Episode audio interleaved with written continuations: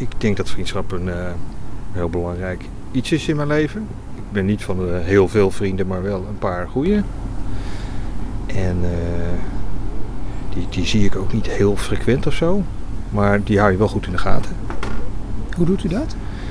Ja, door af en toe af te spreken, maar dat is soms niet vaker dan eens, eens per jaar. En tussendoor een beetje te appen en af en toe eens te bellen. Veel intensiever dan dat is het niet. Maar tegelijkertijd zou ik het echt erg vinden als, het, als de relatie verloren zou gaan. Wat maakt die relatie voor u zo waardevol? Ja, goede vraag.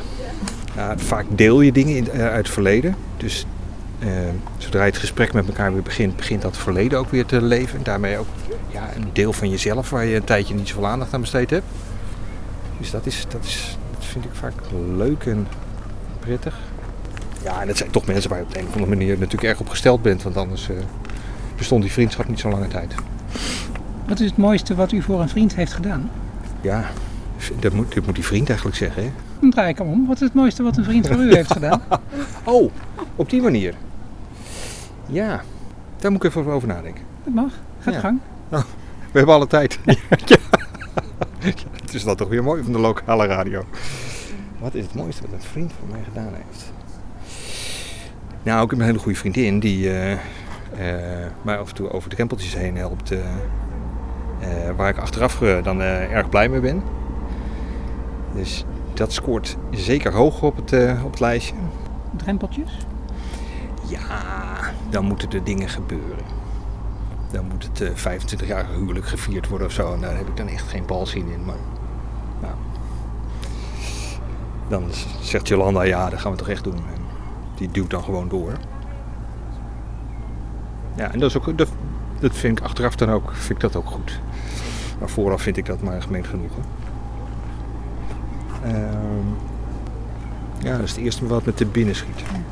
Waar is dit voor u de kern van vriendschap? Ja, waar zit de kern in? Nou, Jolanda, waar zit de kern in?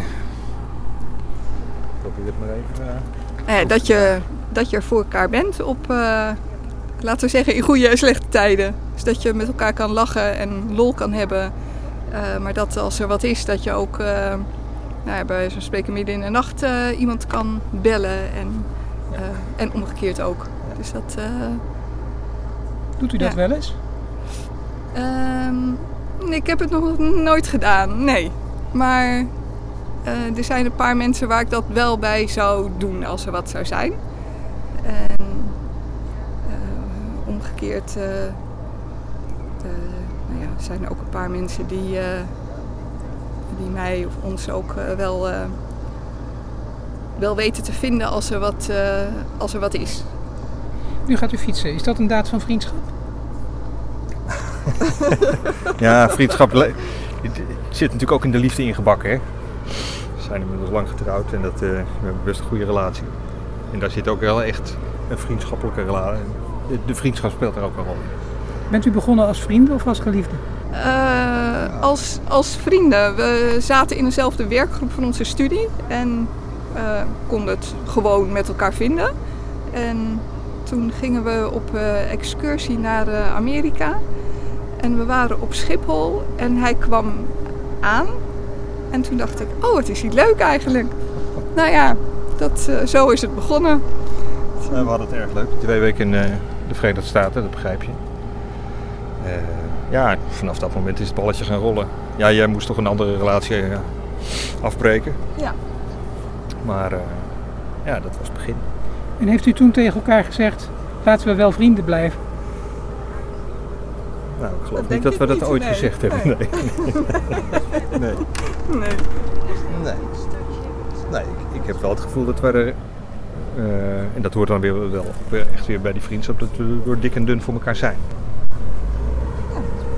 Bijzonder om eh, zo aan, eh, bij het pontje opeens zo'n gesprek te hebben. Leuk. Dankjewel.